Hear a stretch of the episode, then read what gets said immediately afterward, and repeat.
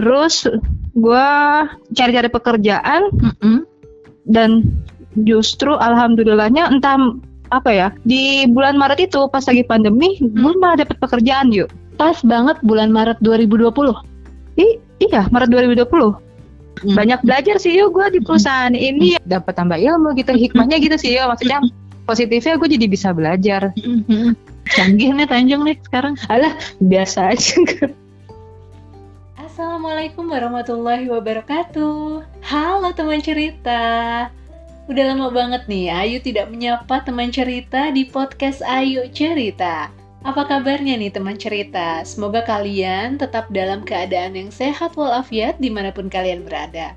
Dan untuk kalian teman cerita yang baru bergabung, Ayu ucapkan selamat datang di podcast Ayu Cerita. Kita masih di episode semua karena pandemi di bagian ketiga. Kenapa nih aku masih bahas topik ini di sini? Alasannya adalah karena aku pribadi nih ingin tahu dan ingin belajar dari orang-orang di sekitarku yang mungkin berbeda profesi ataupun sama.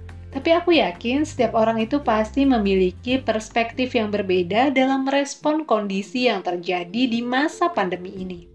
Kalau di bagian pertama, kita udah sama-sama mendengar nih cerita temanku yang awalnya berprofesi sebagai ibu rumah tangga dan akhirnya mendapatkan peluang baru menjadi pebisnis makanan rumahan di masa pandemi ini. Dan di bagian kedua, kita juga sudah mendengar cerita temanku yang memiliki profesi sebagai karyawan swasta yang pastinya juga terkena dampak dari sisi income di masa ini. Dan dari temanku ini, kita bisa sama-sama belajar dari sosok yang pantang menyerah untuk mengembalikan atau meningkatkan income-nya. Dan kali ini, aku akan mengundang seorang teman cerita untuk berbagi ceritanya terkait dengan apa yang terjadi dalam perjalanan karirnya di masa pandemi ini. Nah, kira-kira profesinya apa ya? Langsung aja kita sambut teman cerita di episode kali ini. Halo assalamualaikum. Waalaikumsalam Bu Haji. Waktu gue manggil Haji yuk gimana? Halo Assalamualaikum Tanjung. Waalaikumsalam. Ayu. Tanjung lagi ngapain Jung? Gue ganggu? Aduh. Enggak kok yuk, gue lagi santai-santai nonton Ikatan Cinta. ya ampun. Mas Al. Aldebaran. Aldebaran. Kesukaan kita. Sheila. Jung, Ya yuk. ngomong-ngomong apa kabar nih Jung? Udah lama banget nih. Iya. Baik yuk, baik-baik. Enggak gimana nih ya yuk? Thank you ya Gimana ya Jung. yuk? Thank you udah mau eh, mampir ke podcast gue dan di Iya. kesempatan kali ini nih Jung, eh, boleh dong ya gue ngajak lo tuh untuk bercerita di sini. Kalau nggak boleh gimana? Gue tutup teleponnya kali ya. boleh dong yuk. Asik. Kita mau cerita apa nih Jung di episode Apa, yuk? eh, podcast gue? Kita pokoknya santai-santai sambil bercanda gini nggak apa-apa kan Gak yuk? apa-apa, santai banget. apa-apa ya. Sambil leyeh-leyeh juga nggak apa-apa. Iya sih emang lagi rebahan juga ini sebenarnya. Gila, santai banget ya podcast gue. Udah jangan banyak ketawa deh yuk. Di episode eh, kali ini kita mau bahas apa nih Jung? Bahas apa ya? Bahas apa nih? Bahas masa kuliah. Ih, gue pengen banget sih sebenarnya itu, tapi gue akan ngundang dua tamu agung lagi nih, Asik. Kita undang Eno sama Laras ya. terus Kade. Iya. Jung, eh, Ya. karena sekarang belum ada dua tamu yang kita tunggu-tunggu, kayaknya sekarang kita bahas, gue sih penasaran, masih penasaran tentang topik pandemi. Waduh, pandemi. Mm. Oke. Karena kan kita udah satu tahun lebih nih bareng-bareng atau eh, berada di kondisi yang serba baru untuk kita ya. Iya, Maret ya ya? Maret Maret 2020. 20, nggak kerasa udah setahun lebih ya Jung ya. Berasa yuk. Berasa ya? Oh salah ya gue. Berasa ya yuk. Iya bener nih, di masa pandemi yang nggak pernah kita duga juga ya Jung hadir di perjalanan hidup kita ini ya. Iya, nggak nyangka ya. Maksudnya kayak begini ya. Apa namanya rasanya ya? Awalnya Uh-uh. tuh kalau gue pribadi ya pasti kaget sih. Tapi lama-lama kita kayak diajak belajar beradaptasi nggak sih? Betul, betul, betul. Hmm. Dari hal apa ya? Kita apa namanya? Cara kebersihan juga ya kan? Ya, Kalau dulu kebersihan. mungkin kayaknya kita nggak sesering ini deh cuci tangan. betul. Terus kayak misalnya kayak apa namanya? Dulu maksudnya kayak gue misalnya Mm-mm. harus minum vitamin apa gitu Iya. kan kayak bodo amat gitu Iya. ya. Kalau sekarang tuh kayaknya kayak duh gua harus sehat nih, imunnya harus bagus nih biar Mm-mm. biar enggak sampai kena covid Mm. kayak gitu kan. Mm-mm. Iya. Lebih ngejaga juga kayak gitu, kesehatan. Iya, gue Iya dulu, jaga kesehatan. gue dulu dulu ya Allah ya udahlah kalau misalnya sakit ya udah tidur gitu kan. Nah sekarang tuh bener-bener vitamin tuh jadi pilihan banget sih untuk gua. Iya, betul. Sama gue juga kayak gitu juga. Maksudnya jadi kayak ya udah nih maksudnya gua nggak pengen kena gitu kan ya udah gua Mm-mm. coba menjaga imun gua maksudnya baik terus kayak apa ya ya udah ikutin protokol kesehatan gitu ya masker atau apa Hmm, Tapi demi perlindungan diri sama orang lain juga kan kita harus tetap melakukan protokol kesehatan. Iyalah pasti kayak misalnya di kantor walaupun memang sudah jaga jarak atau apa ya udah gua mau tetap pakai masker aja gitu. Iya benar. Jung, eh, Ya. di di pandem di masa pandemi ini kan gue yakin nih pasti banyak kesan dan perspektif dari setiap individu kan ya pasti beda-beda nih dan di sini gue tuh pengen tahu sih perspektif dari orang-orang di sekeliling gue kalau kita persempit topiknya nih ya gue pengen tahu sih perspektif Tanjung terhadap masa pandemi ini apa sih dampak yang terjadi pada perjalanan karir Tanjung di masa pandemi ini Karir ya ya. Jadi omongannya pekerjaan ya. Lebih kita Ini seben- perspektif lagi ya Ya pekerjaan. Eh gini, kalau misalnya eh gua ngeliat orang-orang lain kayak gitu, mereka sebelum-sebelumnya sudah pada kerja, pandemi, mereka kayak perubahan, maksudnya kayak satu, maksudnya banyak yang WFH, terus maksudnya gaji dipotong gitu ya. Justru gua pas zaman-zamannya pandemi ini, Maret ya yuk, gue malah dapat pekerjaan. Sebelumnya tuh gue sebelumnya ya, Juni 2019 tuh gue resign. Oke, berarti diawali lo sebelumnya mempunyai pekerjaan di sampai Juni 2019 gitu ya, Jung? Iya, Juni 2019 gue nggak punya nggak apa namanya gue nggak gue lagi nganggur. Heeh, keluar dari tem- perusahaan pertama misalnya ya. Iya, tempat yang sebelumnya. heeh. Mm-mm, terus, Terus gue cari-cari pekerjaan mm-mm, dan justru alhamdulillahnya entah apa ya di bulan Maret itu pas lagi pandemi gue malah dapat pekerjaan yuk. pas banget bulan Maret 2020. I- iya Maret 2020. Pas banget. Jadi pas orang-orang lagi pada maksudnya sudah apa namanya eh, bekerja dari rumah, WFH atau kayak gitu, Hmm. gue malah dapat pekerjaan di situ. Gue udah mulai masuk pek- masuk bekerja. di tanggal berapa tuh? Maksudnya pertengahan kita kan pengumuman PSBB dari pemerintah tuh awal Maret ya, Jung ya? Kasus pertama di Indonesia Hmm. awal Maret ya? Oh, kalau gue tuh dulu kalau nggak ingat setahu gue gini, kalau gue tuh eh, interview-interview tuh kalau nggak salah awal-awal Maret dan gue itu masuk kerja 16 Maret yuk. Oh, bah- bahkan setelah pengumuman kasus pertama COVID di Indonesia ya, Ju? Iya kayaknya. oh. Mm. Boleh tahu Iya. nggak itu eh, di perusahaan yang bergerak di bidang apa? Kalau Tanjung kerja di manajemen mall yuk, manajemen mall. Oke. Mm-mm, kayak gitu. Kalau mall itu kan berarti sangat berdampak kan, Jung?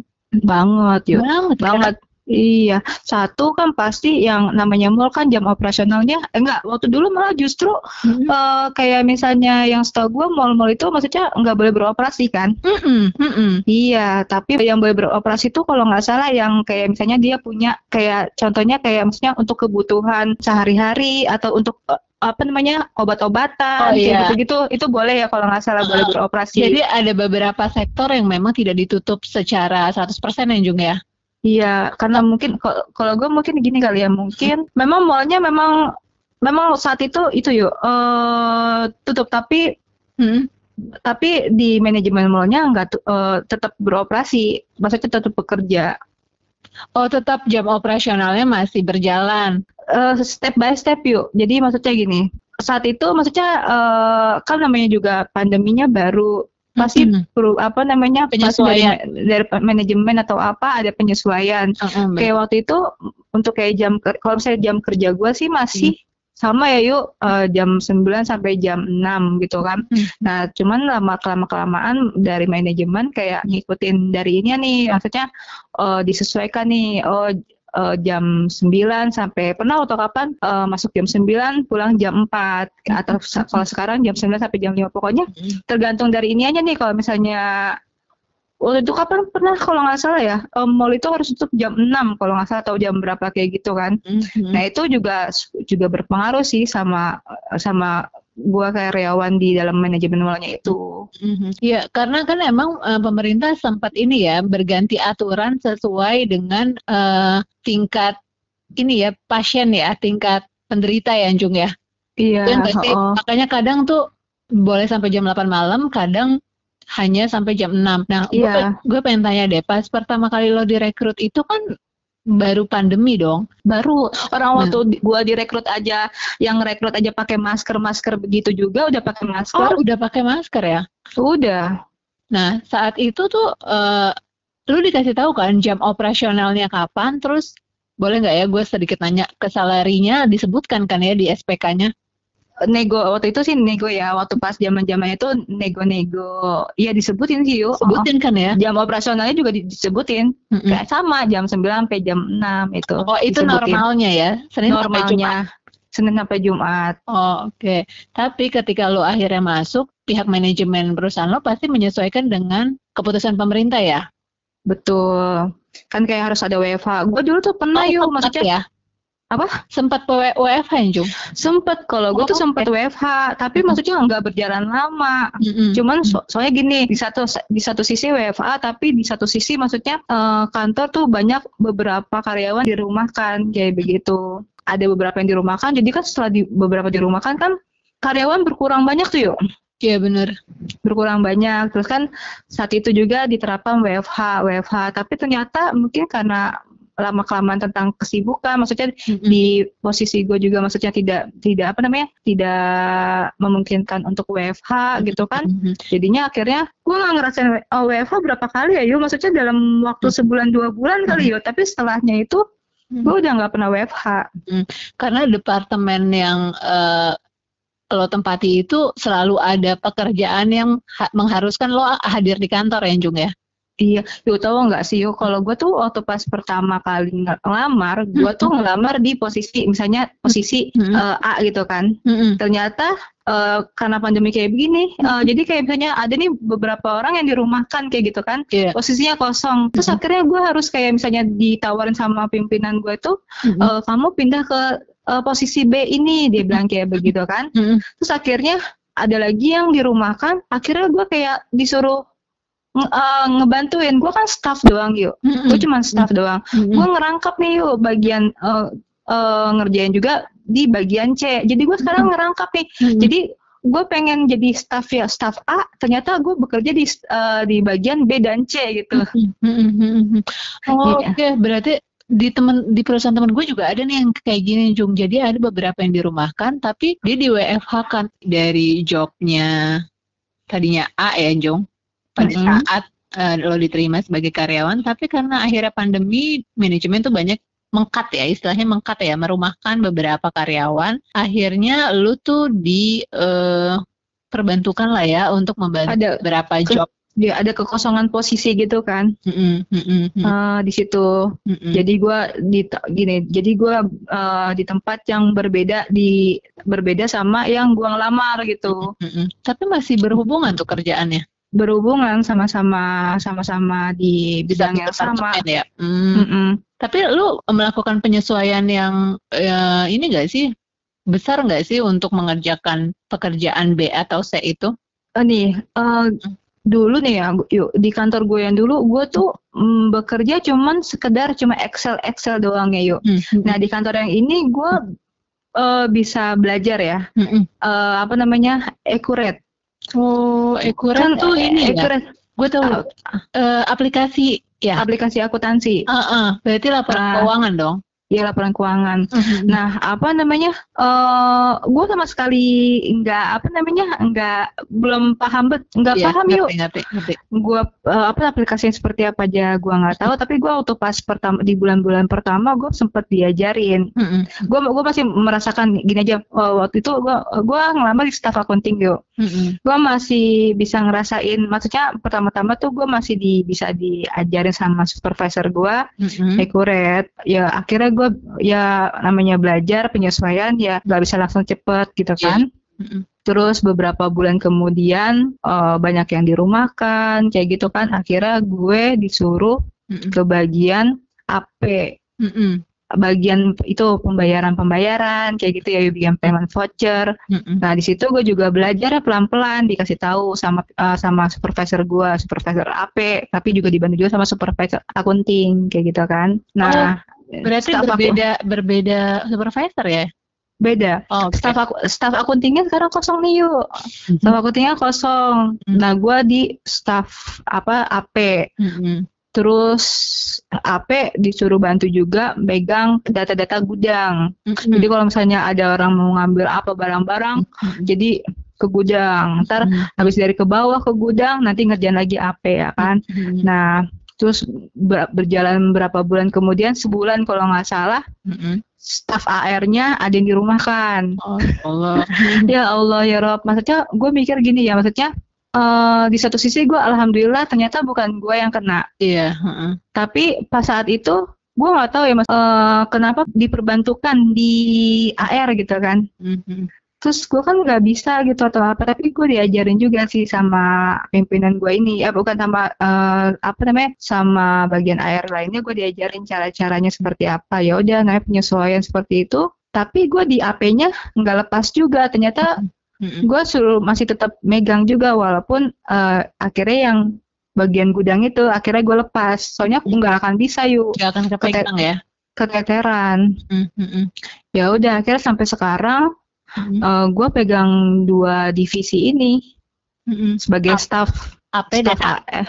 AP dan Ah, ah. AR. Berarti accounting Iya. udah enggak? accountingnya enggak tapi sebenarnya kalau misalnya kalau dilihat-lihat maksudnya itu ya gue di situ ya gue bisa belajar juga tentang accountingnya juga ya tentang jurnal Tapi ya tapi nggak sedalam kalau misalnya gue jadi staff accounting ya maksudnya pekerjaan seperti apa. Tapi maksudnya di situ ya gue jadi jadi paham juga sih maksudnya tentang jurnal tentang pembayaran tentang PPH kayak gitu kan. Gue di sini belajar loh ya. Maksudnya di sini gue ternyata akhirnya gue bisa dulu nih ya yuk gue Mhm. waktu pas lagi nganggur Mhm. gue tuh sempat eh, sempat les mayop yuk. Oh iya, gue tahu ah yang lo cerita ya. Iya, iya. Mayop. Mhm. padahal gue pengennya pengennya eh, lesnya akurat yuk Oh, cuman cuman karena jauh sampai Jatinegara Hmm. di Jatinegara jadi akhirnya gue memutuskan ah udahlah gue maksudnya eh gue biar punya skill gitu ya skill aplikasi apa namanya sistem Hmm. akuntansi kayak gitu kan ya udah gue les mayop eh ternyata yuk Hmm. Alhamdulillah banget ya gue pengen les akurat tapi nggak dapet akhirnya di perusahaan ini gue bisa belajar akurat secara secara gratis Ba- eh, udah gitu, eh, udah gitu tuh kalau misalnya di tempat kerja kita tuh jadi lebih tahu tuh penggunaannya seperti apa daripada daripada les gitu kan. Les tuh Iya, les cuma teori doang gitu. ya soalnya langsung aplikasi kan yuk Iya langsung praktek dan kasus-kasus yang eh, bermunculan tuh jadi bikin kita belajar lagi ya Jung ya. Betul, betul. Sama apa kayak misalnya em, eh, kayak belajar e-faktur, Mm-mm. bikin faktur pajak. Mm-mm. Ah, di sini gue juga dapat juga. Mm-mm. Banyak belajar sih yuk gue di perusahaan ini yang Ah. dulunya gue terkungkung di hanya cuma Excel doang kayak gitu kan. Wah, apa tuh yuk? Istilahnya apa ya yang gitu? Iya cuma dibatasi dengan pekerjaan yang itu ya. Sekarang Iya, sekarang tuh jadi makin skillnya makin nambah lagi ya. Malah alhamdulillah. iya ilmu sih yuk. Maksudnya di sini kan ilmu, gue dapat ilmu, dapat eh, skill gitu kan. Jadi next kalau misalnya apa namanya, eh gue bisa meningkatkan kualitas apa ya? Kualitas apa nih yuk disebutnya yuk? Skill lo dalam pekerjaan sih Jung? Sesuai ya kualitas ya skill dan pekerjaan sih Mm-mm. gitu. Alhamdulillah pokoknya. Tapi maksudnya eh, dulu waktu pas gue resign gitu ya Mm-mm. gue sempat kayak aduh gue kok susah ya cari pekerjaan kayak gitu kan. Mm-mm. gue dari Juni sampai Maret tuh lumayan lama loh yuk. Mm. berarti sempat sem- ya sempat down juga gitu ya Jung? Iya, gue baca oh, ini lama. Terus gue ada beberapa interview gitu kan, ternyata enggak di, ternyata enggak enggak enggak lolos. Mm-mm. Mm-mm. Nah ternyata pas di Maret, alhamdulillah pas lagi pandemi lagi ya, yuk maksudnya eh, mikirnya gini, yang lainnya gini, gue harus bersyukur banget sih, yuk. maksudnya yang lainnya mungkin dirumahkan gitu atau apa, tapi ternyata alhamdulillah guanya dapat pekerjaan kayak gitu. Kan kadang-kadang rezeki sama rezeki orang maksudnya beda-beda ya. Maksudnya ternyata pas lagi di pandemi, gue mendapatkan rezeki, gue mendapatkan pekerjaan kayak gitu. Iya, gue juga baru tahu kalau lu tuh diterimanya pas pandemi loh, Jung. Iya kan? Gue Baru ya? pikirnya, gue mikirnya lu tuh udah diterima dari sebelum pandemi. Terus eh, Enggak, gimana Yu. nih si Tanyo kena dampaknya juga kan nih gitu. Enggak ya, Yu. malah malah saat pandemi ketika ada beberapa individu lah yang dirumahkan. Selain itu berarti dampak yang lo dapetin kan lo di lo dipercayakan untuk mengerjakan pekerjaan lain atau pekerjaan di luar job lo ya, Jung. Tapi di situ justru lo men- eh, kayak melihat sisi positifnya, gue bisa belajar hal baru gitu ya, Jung. Iya, gue jadi banyak gini, eh, jadi gue, oh di eh, di posisi ini gue bisa belajar apa di bagian ini, misalnya bagian AR, gue bisa belajar ini gitu kan. Mm-mm, Jadi terus di bagian AP ternyata gue bisa belajar ini gitu. Jadi maksudnya ternyata dapat tambah ilmu, dapat tambah ilmu gitu. Hikmahnya gitu sih ya. Maksudnya positifnya gue jadi bisa belajar. AR bisa belajar, AP bisa belajar. Canggih nih Tanjung nih sekarang. Biasa aja.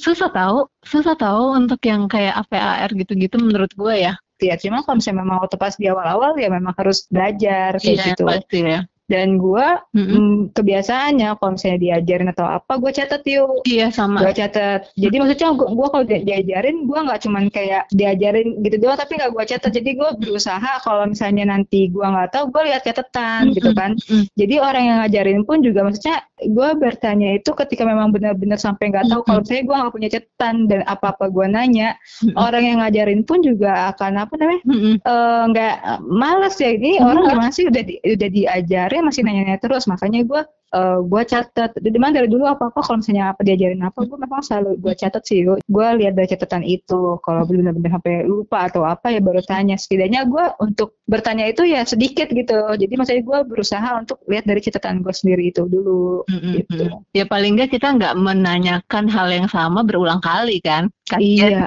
kasian Iya. juga tuh. Gue pernah Kasian. merasakan itu. Gue pernah nggak kasihan dan enak kan lu sebagai yang nanya apa yang ditanya nih dua-duanya. dua-duanya ya kan kalau misalnya yang ditanya maksudnya mikirnya gini gimana sih udah diajarin kok masih nanya aja gitu kan Iya. ya kan Nah. jadi gue berusaha maksudnya ada pemikiran eh, yang ngajarin gue jangan sampai berpikiran seperti kayak gitu Iya. kayak gitu sih. Benar-benar. Hmm. Enggak, kalau gue lihat cara belajar gue sama lu dari zaman kuliah kayaknya mirip-mirip deh, Jung.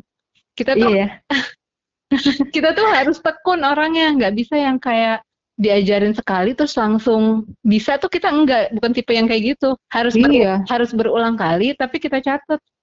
iya catat-catat kayak gitu maksudnya kayak misalnya dari buku pun kalau misalnya lagi belajar juga kayaknya kayaknya harus dari pelajaran itu harus gue catat dulu deh yuk jadi gue kayaknya baca eh, ny- belajarnya di- jadi eh, belajarnya dari catatan gue sendiri Hmm, bener. Ya kan, kayak bikin- kecil kadang kita kan. Iya Sama gitu. sama. Gue, lo, Eno tuh hampir mirip. Kalau Iyas, Iyas tuh kalau iya daya tangkapnya cepet banget. Dia cuma mantep ya dia. dia cuma bolak-balik slide doang. Udah gue, udah. gue nggak bisa tuh Gue nggak bisa kayak gitu. gue nggak bisa gue harus dicatat deh maksudnya gue bisa pakai catatan tangan gue sendiri bacanya Iya gitu benar. yuk. Sama gue, gue juga kayak iya ya nggak apa-apa sih selama kita udah paham ya cara belajar kita tuh kayak gimana. iya iya kan kita eh, kita yang tahu gimana caranya kan Benar, benar. Tapi Hmm. ini keren sih Jung ketika lu akhirnya mendapatkan pekerjaan di masa pandemi terus dikasih job-job tambahan di luar job yang semestinya gitu. Lu justru ngambil hikmahnya itu, oh gue bisa belajar hal-hal baru lagi, gue bisa dapat hal-hal baru lagi yang nantinya pasti berguna ya untuk eh, ke depannya. Pasti. Hmm. Ini jadi pengalaman sih. Jadi maksudnya pengalaman gue bertambah yuk. Mm-mm, mm-mm. Iya kayak gitu. Eh, ada nggak sih dampak yang lo rasain lagi selain tadi tuh? Nih ini lucu nih yuk. Ah. gue nih ma- gue nih masuk kan pas pandemi. Iya. Eh, kan Ah. eh, yang lainnya kan maksudnya ternyata pas gue masuk Maret Mm-mm. harusnya gajian Maret tapi kan gue belum akhir Maret harusnya gaji, eh, akhir Maret gue belum gajian dong Oh, Oh gajiannya belum? Oh April Belum. ya.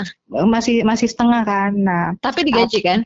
digaji diakumulasiin nah di Oh, April di April itu udah mulai potongan yuk Oh tunggu. potongan tunggu. 20% Ini kan karena bidangnya adalah eh, pengelola mall, itu kan Hmm. jadi eh, kebijakan manajemennya eh, itu sangat berdampak ya, sangat berdampak kan bisnisnya. Kebijakan manajemennya langsung memotong di April ya. di April dipotong 20% Oke. Nah makanya nih yuk dari pas gua gua gua dari gua kerja sampai sekarang gua belum pernah merasakan gaji full yuk. Jadi nanti kalau misalnya gua nanti udah full nih yuk, gua juga bukannya kalau gua udah full gajinya, gua bukan dibilang gua gaji normal yuk, gua naik gaji. Paham gak yuk? Ya ngerti gue. Ya Allah, tunggu deh. Berarti lo dari masuk itu lo belum pernah merasakan gaji sema- sebagaimana mestinya ya?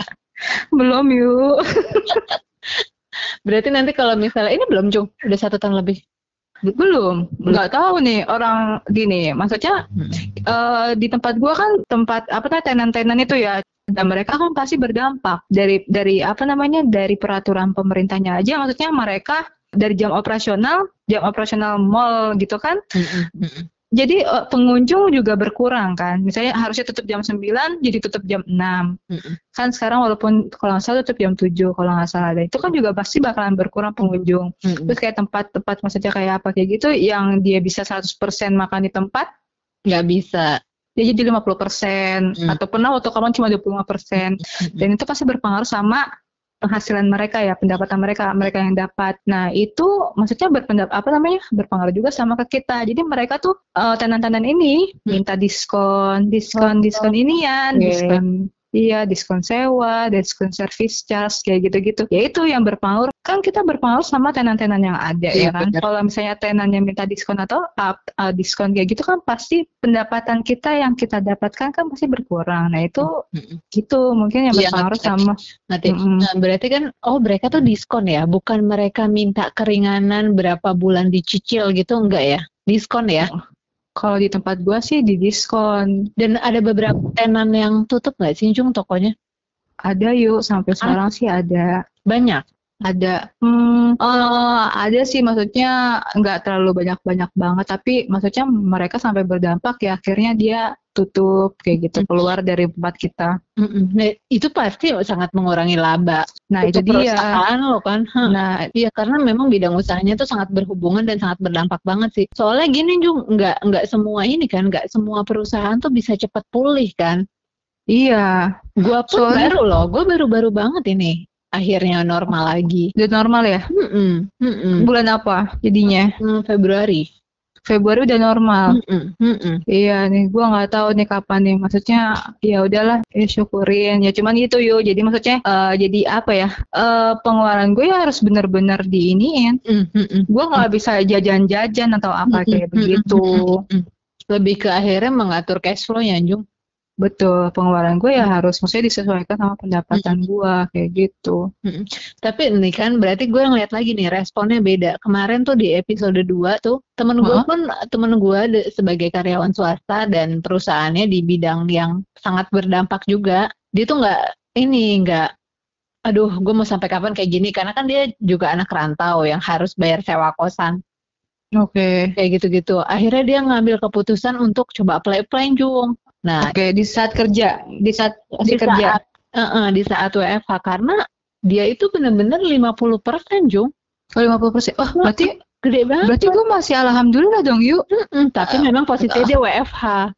Oh, Mm-mm. gue pikir gini ya, gue 20% aja kayak udah ngeluh ya. Ternyata di luar sana maksudnya 50% Mm, mm, mm, ma- ma- malah mungkin maksudnya gue juga banyak dengar maksudnya ya cuma terima lebih apa namanya dipotong lebih lebih banyak dari itu juga ada juga tahu ada maksudnya? ada ada. Iya. Ada ada berarti banyak. gua nggak berarti gua nggak boleh ngeluh ya yuk nggak boleh harusnya sih. Nggak Ya, boleh ya. sih eh, responnya pasti beda-beda ya. Kalau kalau teman gue pun nggak ngeluh orangnya, nggak ngeluh itu yang bisa didengarkan di episode 2 Jong. ya yuk dia dia nggak ngeluh, nggak ngeluh. Cuma kan dia eh, cukup berpikir realistis karena kan dia kebutuhannya cukup banyak kan yang harus dia tanggung. Akhirnya dia Mm-mm. nyari nyari yang eh, dapat penawaran di atas gaji normalnya di perusahaan sebelumnya. Memang nggak jauh beda sih, cuma full full oh full Heeh, kan misalnya ya berasa banget kali misalnya kita sekarang gajinya 6 gitu ya. Dipotong dipotong 50% cuma dapat 3, 3 juta. iya Nah, di ketika dia apply di tempat lain dia dapat misalnya ya, dapat Mm-mm. 7. Itu kan berasa banget, Jung. iya berasa banget Berasa ya banget yang biasanya kemarin dia udah udah ngambil duit tabungan pribadinya dia, akhirnya sekarang mulai berangsur-angsur dia tutup lagi. Bukan Hmm, iya. mm-mm, bukannya dia nggak bersyukur atas perusahaan A nggak merumahkan dia sih, cuma kan dia berpikir juga kebutuhan dia bertambah terus kan. iya iya Hmm. eh apa namanya ya pilihannya dia seperti itu. Iya, maksudnya pilihannya dia. Iya. Dan dia dan dia berani ya. Mm-mm. dan dia berani. Dan maksudnya eh, ternyata ada di di luaran sana ada ternyata ada kesempatan Mm-mm. untuk pekerjaan baru gitu. Mm-mm. Dan mungkin dia cuma ngerasa kayak gue stuck banget kali pekerjaannya kayak gini-gini. Mungkin karena dia sudah menguasai pekerjaannya kali ya. Kalau ini kan lu kan kayak ngelihat dari sisi yang berbeda nih. Nggak apa-apa deh gue dipotong dulu. Ih nggak apa-apa lah cuma 20%. Tapi gue dapet ilmu baru nih di sini ya Anjung ya.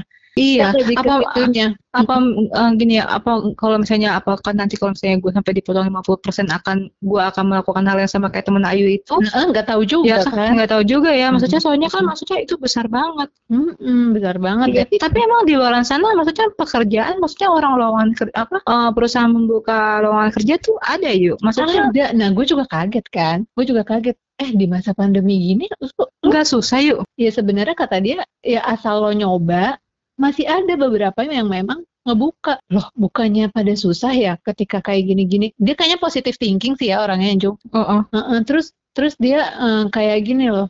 Temen gue tuh banyak banget Mbak Ayu yang hmm, apply justru di awal-awal masa pandemi. Terus dia dapat penawaran yang justru lebih. Terus gue mikir, oh keren juga nih perusahaan-perusahaan yang berani untuk eh, nge-hire dengan harga normal gitu, Jung. Harga semestinya. Kayaknya tergantung deh, Jung. Mungkin kalau kita selama masih positif, terus kita ketika interview sudah menyiapkan, gue bisa nih gitu kali ya. Terus faktor rezeki juga kali ya. Iya, alhamdulillah banget tuh, yuk. Hmm, hmm, hmm. Tapi kan ya udah nih berarti gue ngelihat nih dari sudut pandang beberapa teman gue tuh beda-beda ya. Gue pun memilih bertahan, Jung. Kenapa yuk pilih bertahan? Heeh. Gua- Karena apa yuk? Kalau lu? Karena kan memang gue kan posisinya freelance ya. Oke, berarti jam Ayu juga kalau freelance kan maksudnya nggak setiap hari masuk kerja juga kan? Hmm, hmm, hmm, hmm, hmm. Iya. Tapi alhamdulillah sih ya. Ya tapi Mudah-mudahan alhamdulillah. mudah-mudahan nanti eh, ketika normal mall semakin ramai lagi ya, Jung. Karena kan kita butuh Ya. hiburan dan hiburan yang terdekat apa sih? Biasanya kan tempat pusat Iya, perbelanjaan. makan, Mm-mm. makan kan ngumpul sama teman-teman di tempat Mm. makan gitu ya yuk. Mm-mm, mudah-mudahan. Ya kan kayak kita aja udah lama banget yuk, maksudnya nggak ketemu kan Mm-mm. Terakhir itu Iya. sebelum pandemi. sebelum pandemi. Iya, Mm. pas iya pas gua lagi di rumah itu yuk masih Mm-mm. masih lagi nyari-nyari kerjaan tuh yuk. Nah, gue nggak tahu tuh. Gue pikir tuh lu udah kerja. Gue gue ingetnya lu udah kerja deh itu. Enggak ya? Belum. Ya. Terus gue mau nanya deh, eh, selain kebijakan yang memotong gaji karyawannya, apalagi Cung kebijakan yang ditetapkan manajemen di tempat lu? Nggak ada sih. Oh ini doang sih waktu kapan pas eh gua rasa sama ya waktu pas eh yang 2020 kan Mm-mm. kayak THR itu waktu di bulan apa kita eh, Lebaran tuh eh, 2020 Juni apa Mei ya yuk? Ya Allah tahun lalu ya, lupa. Juni ya kalau nggak salah ya. Mm-mm. Nah, apa namanya kayak THR itu walaupun gue baru, ta- tapi kan gue dikasih itu ya proret. Tapi itu yuk, jadi dipotong, ah, bukan dipotong, maksud gue dibayar dua kali. Jadi nggak langsung full, Oh, 50% 50% kayak gitu. Tapi masih dibayarkan ya. Masih dibayarkan. Gitu sih. Selain itu sih kayaknya apa ya? Jam kerja sekarang udah normal ya? jam kerja sih jam 9 sampai jam 5 sih sekarang masih masih dikasih dispensasi itu oh, harusnya sih pulang jam 6 hmm. Udah sih paling itu aja sih jam operasional, hmm. Hmm, potongan gaji. Potongan 20 persen? Sekarang 15 yuk. Oh alhamdulillah berarti memang iya. ada upaya untuk ini ya menormalkan salari karyawannya ya sebenarnya itu. Iya kebijakan oh masih mikirin karyawannya gitu ya, ya lumayan. Uh, selama apa? itu ada upaya lain nggak Jung untuk menutupi? Ini sebenarnya masih kurang nggak sih Jung? Kurang ya? Gue tuh pas-pasan yuk. Oh iya sih kan karena kan operasional lo harus jalan setiap hari ya Jung ya? Ya gue setiap hari. Ya nantilah mudah-mudahan ada jalannya ya. Iya Bismillah ya ya kayak gitu. Gimana Jung? Uh, lo menyiasatinya berarti dengan ini ya, cara mengatur cash flow-nya jadi lebih ini kali ya? Ya, ya jadi nggak jajan-jajan yuk. kurus dong lo. ya enggak juga nggak kurus. ya, nggak bisa jadi, maksudnya nggak bisa ya yang kayak kalau apa ya maksudnya ya nggak bisa kayak jalan-jalan kayak gitu ya mikir lagi lah sekarang kalau iya. misalnya nah. itu Jung uh, ya menuju closing nih ya. Oke. Gue udah mau nanya deh, hikmah apa yang bisa lo ambil dari pandemi ini? Walaupun tadi kita udah denger ya beberapa pemaparan dari lo, uh, dampak dari pandemi yang lo rasain. Nah, sekarang hikmah apa sih yang bisa diambil dari masa pandemi ini? Hikmahnya ini maksudnya uh, apa nih? Uh, berhubungan sama apa nih? Kesehatan atau apa sih? Apa pun di luar karir juga nggak apa-apa karena gini mungkin banyak yang uh, beberapa orang yang kita nggak bisa nyalahin juga sih. Terkadang ketika ada pandemi ini banyak tuh gue uh, kadang naik transportasi online. Terus beberapa drivernya tuh curhat iya nih gara kayak gara-gara kayak gini penghasilan saya turun gitu. Tapi ada beberapa juga driver justru yang Ih saya mah disyukurin aja ya katanya sih pandemi ya tapi mah rezeki nggak ke mana ya mbak gitu. Jadi ada beberapa sisi yang apa ya berbeda gitu loh Jung perspektifnya. Nah kalau dari Tanjung sendiri apa sih yang bisa kita pelajarin dari masa ini? Kalau gua, mm -mm. kalau gua, apa? Uh, kayak kemarin kan kalau misalnya kita puasa tuh masih sibuk di jalan nggak sih pulang kantor? Oh kalau lo oh, oh. kalau lo masih sih ya. Kalau gue enggak. Iya, kalau gue sekarang pas masa pandemi kan ya udah full di rumah gitu. Akhirnya lebih banyak juga bareng sama keluarga. Oke, okay. sama. Gue juga apa namanya hmm, lebih banyak gini ya. Maksudnya yang biasanya jadi yang biasanya suka main atau apa, mm-hmm. ya sekarang gue lebih banyak di rumah gitu kan. Maksudnya mm-hmm. banyak di rumah sama keluarga, ya, sama keluarga, sama kakak-kakak gue, sama keponakan gue di rumah, mm-hmm. kayak gitu. Sama ya kita lebih aware sama kesehatan kita aja gitu oh, iya, benar-benar. Yang tadinya cuek ya Jung ya? Ya cuek maksudnya sekarang kita lebih perhatian nih maksudnya ya dia maksudnya jaga kesehatan kita. Oh, iya, kayak gitu jaga kesehatan kita. Biar apa namanya kita membentengi diri kita lah maksudnya biar nggak mudah turun imunnya. turun imunnya iya iya gitu. benar-benar. Berarti bisa dibilang kita jadi lebih sayang sama diri kita ya Iya, iya betul. Iya sih benar-benar. Harapannya apa Jung ke depannya? Harapannya ya cepat kembali normal gitu kan. Jadi Apanya? Maksud... Gajinya?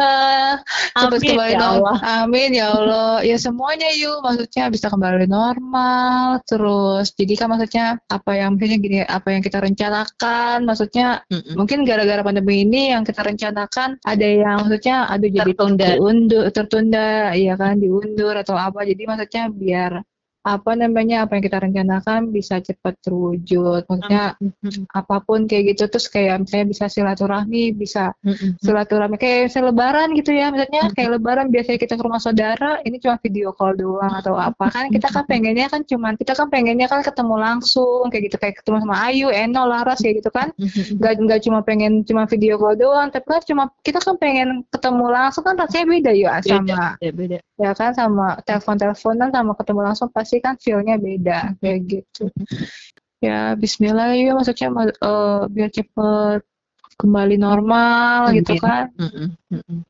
biar semuanya apa maksudnya apa yang direncanakan bisa Berjalan Bisa lancar ya. betul silaturahmi enak gitu kan apa namanya eh, ketemu langsung Mm, nggak cuma dari video call doang mm, mm. Itu sih yang terpenting.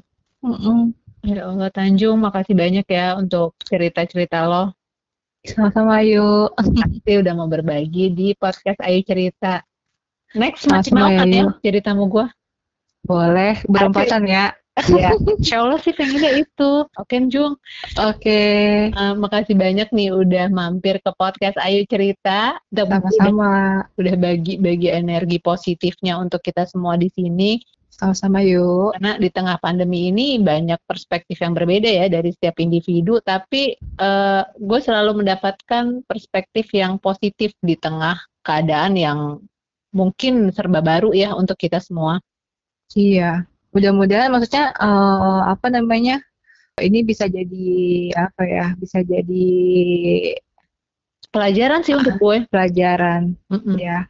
Ya ini kita sharing-sharing pengalaman lah ya, maksudnya Mm-mm. sharing pengalaman apa yang di, apa yang dihadapin Tanjung pas pandemi gitu kan. Ya ini cuma sharing-sharing aja ya, Mm-mm. sharing-sharing pengalaman aja. Intinya gue gue juga pribadi ya eh, pengen terus belajar dari orang-orang di sekitar gue. Dan di episode kali ini gue bisa banget belajar dari eh, sosok Tanjung. Oh, Makasih banyak ya Jung untuk waktunya. ya sama-sama Yu. Sukses Sama-sama Yu. terus, sehat selalu. Ayu juga. Ayu juga sama.